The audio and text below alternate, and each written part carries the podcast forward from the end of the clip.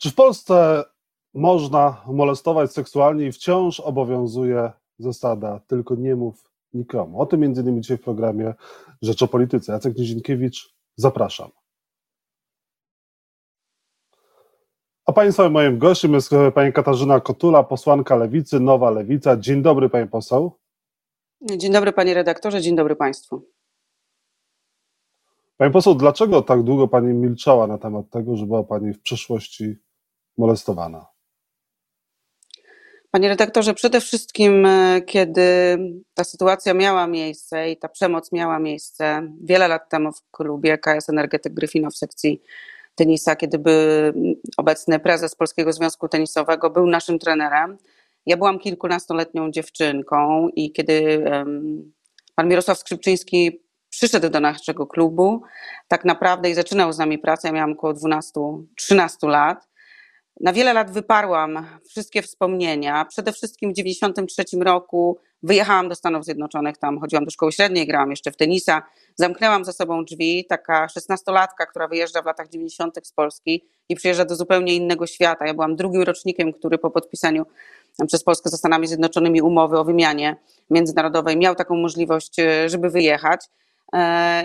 Ja po prostu poszłam dalej. Dla mnie te wspomnienia były tak trudne, ja się w tamtym okresie przede wszystkim tego wstydziłam. Ja przez te wszystkie lata nie powiedziałam o tym nikomu, nie rozmawiałyśmy o tym między koleżankami, między kolegami, chociaż mam przeczucie, że większość z nas wiedziała i widziała też tą, tą krzywdę. Być może nie w moim przypadku, bo, bo dzisiaj dzwonią zawodnicy i zawodniczki, to są bardzo dramatyczne rozmowy, to są osoby, które tak naprawdę dzisiaj muszą powiedzieć o tym rodzinie, mają też pełne poczucie, że że dobrze, że ta sprawa ujrzała światło dzienne, a ja miałam poczucie, że jeśli ja tego nie zrobię, to nikt o tym nie opowie. I kiedy mówię dzisiaj o tym, że całe środowisko tenisowe wiedziało, mam na myśli przede wszystkim całe środowisko ogólnopolskie tenisowe, nie to swoje środowisko, środowisko gryfińskie.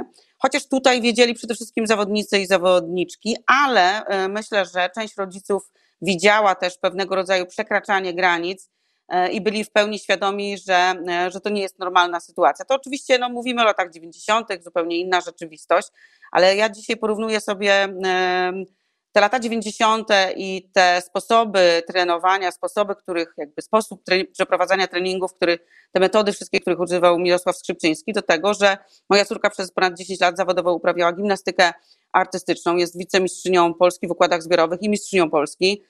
Ja wiem, co znaczą surowe treningi, E, wymagający trenerzy. To jest jedna z najtrudniejszych dyscyplin, więc mam też to porównanie. No, e, ja powiem szczerze, że to, co zaważyło, to był pierwszy artykuł Onetu o korcie imieniem Lecha Kaczyńskiego. To był taki moment, w którym w środowisku tenisowym trochę zawrzało jak w ulu. I do tego momentu nigdy z nikim o tym nie rozmawiałam. Pojawiły się pierwsze telefony, pierwsze anonimowe telefony, muszę to dzisiaj przyznać, pierwsze też anonimowe wiadomości od osób, które pisały, że przecież w innych miastach na przykład w Zielonej Górze, ale też w innych klubach sportowych, to jest wiedza powszechna, że jest jeszcze jeden ważny element i aspekt tej sprawy. I ja dopiero wtedy, po tylu latach, po raz pierwszy pomyślałam, że ja nie jestem sama i że tych ofiar jest więcej. Czy ja szłam przez życie, absolutnie nie mając przekonania, że to może być coś, co przydarza się także innym zawodnikom czy też zawodniczkom. Chyba w jakiś sposób myślałam wtedy, że no niestety muszę powtórzyć te obrzydliwe słowa, które otwarcie mówią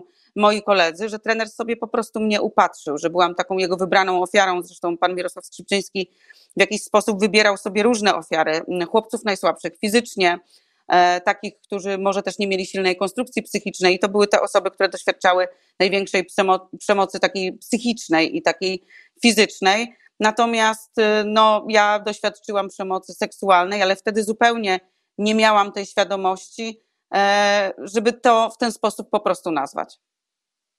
Kiedy Onet ujawnił informację na temat tego, że Mirosław Skrzypczyński, e, prezes Polskiego Związku Tenisowego, mógł molestować w przeszłości e, różne osoby, nie padły nazwiska. Wtedy sam prezes powiedział, niech pan poda zawodniczki z imienia nazwiska, równie dobrze ja mogę napisać w internecie, że słyszałem jak pan pod drzewem wyciągnął penisa, cytuję prezesa i może dalej nie będę cytował.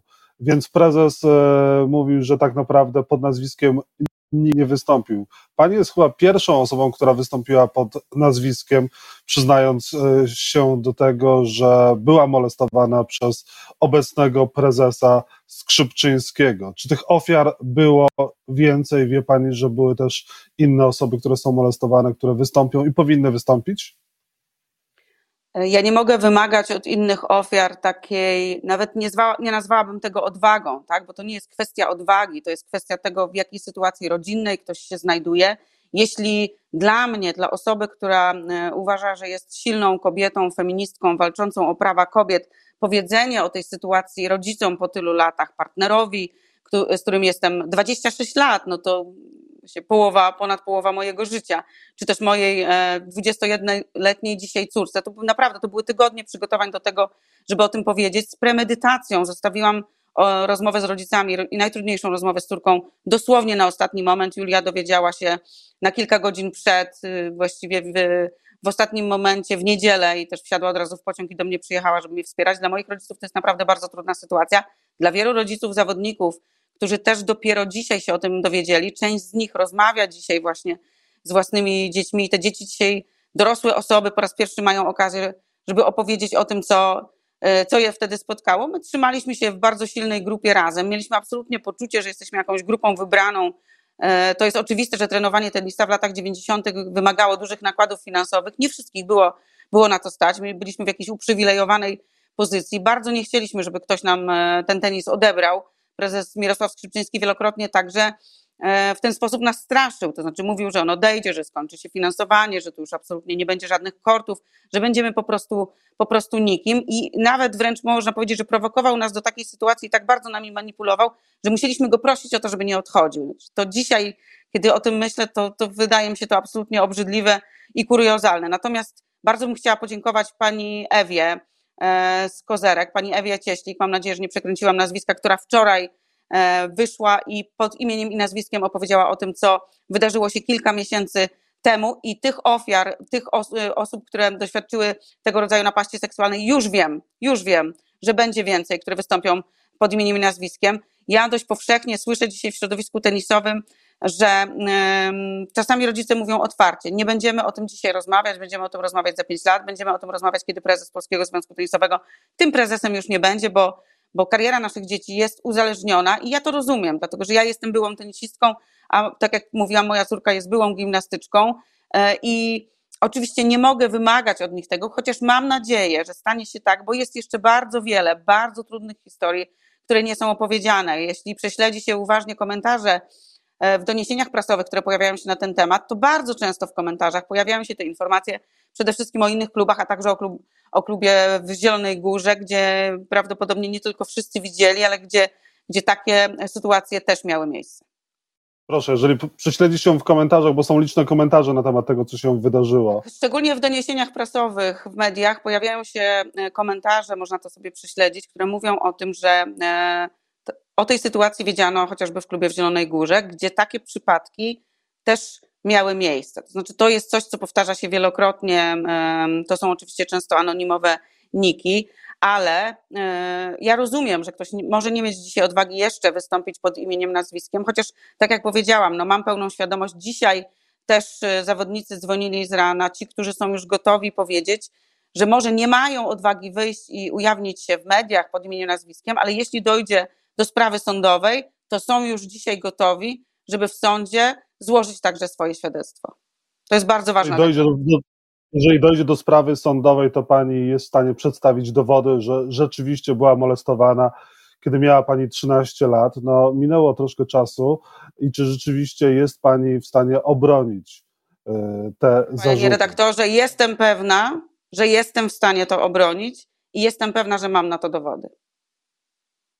Zachowania Skrzypczyńskiego nie potępił dotąd minister sportu Kamil Bortniczuk. Co się powinno stać e, z prezesem? Wiadomo, że minister nie może go e, zdjąć ze stanowiska, e, może go zostać odwołany przez Polski Związek Tenisowy, walne zgromadzenie, odpowiada przed walnym zgromadzeniem Polskiego Związku Tenisowego. W dalszym ciągu pan Skrzypczyński jest na stanowisku.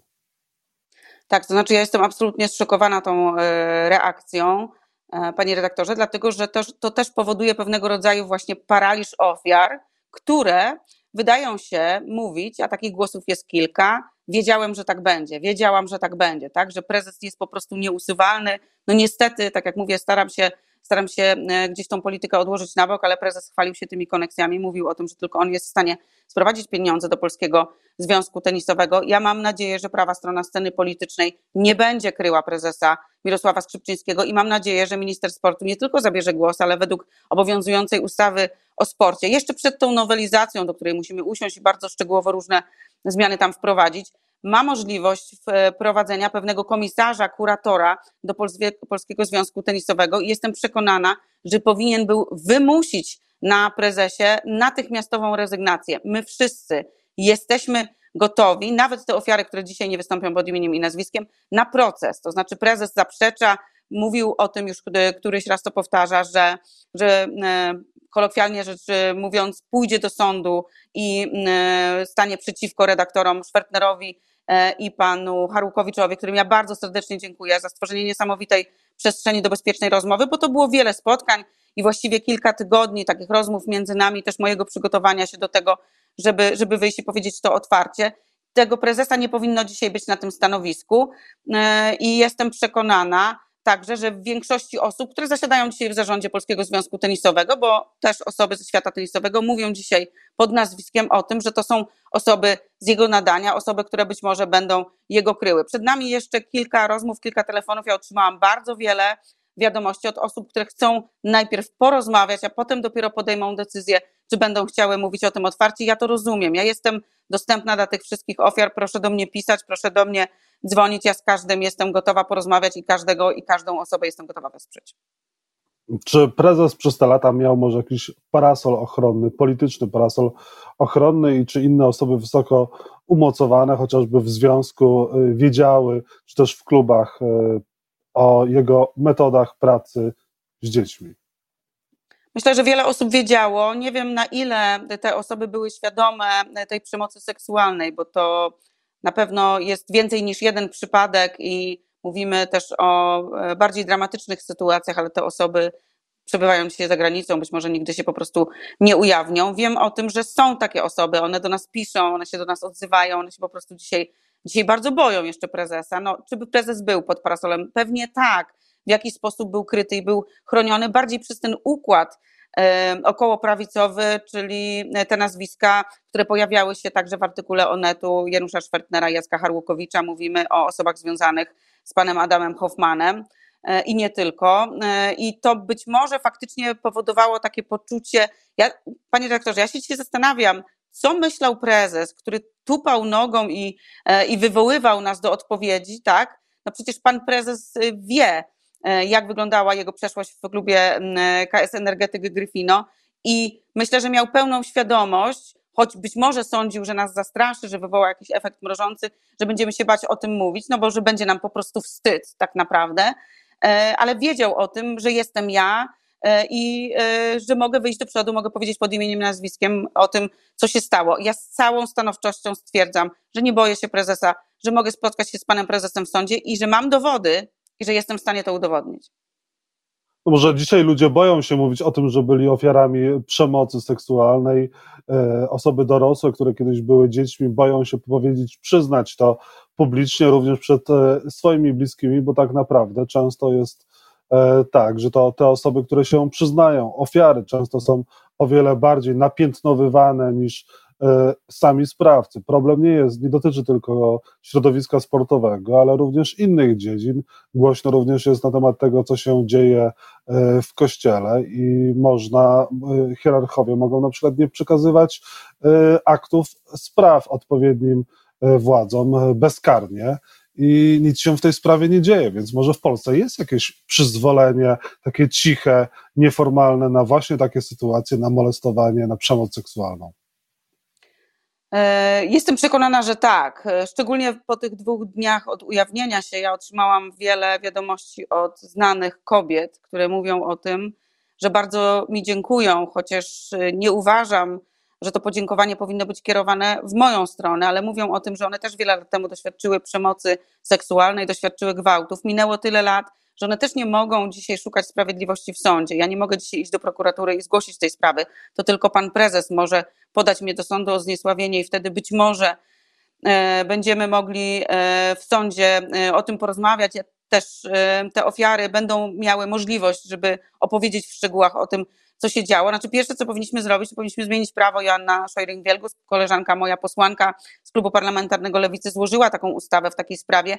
Trudno dzisiaj oceniać, ile, ile lat trzeba mieć, żeby zdobyć się na taką odwagę, bo z tych informacji także, które ja otrzymuję, które absolutnie korespondują z tym, co ja czuję, to są kobiety 30, 40, 50-letnie, moja skrzynka zawalona jest takimi historiami. Mam nadzieję, że kiedyś znajdę jakąś przestrzeń, żeby to pokazać, żeby o tym anonimowo oczywiście opowiedzieć, jak ogromna skala jest tego przyzwolenia właśnie na takiej, no takiej właśnie ciszy i zmowy milczenia, która absolutnie karmi, e, karmi takie, takie zachowania. Ja powiem szczerze, że jeśli ja wiem, że przygotowywałam się kilka tygodni, ponad dwa miesiące do tego, żeby usiąść do tej rozmowy z rodzicami, z partnerem, z córką. Ja się po prostu jako już dorosła osoba e, wciąż jeszcze wstydziłam tego, co się stało. Ja staram się tłumaczyć sobie, mam już takie poczucie, że to nie była moja wina, że, że, że to ja byłam tą e, wybraną ofiarą prezesa Mirosława Skrzypczyńskiego, ale to wciąż jest trudne, a mam przecież 45 lat, mam swoje życie, dorosłą córkę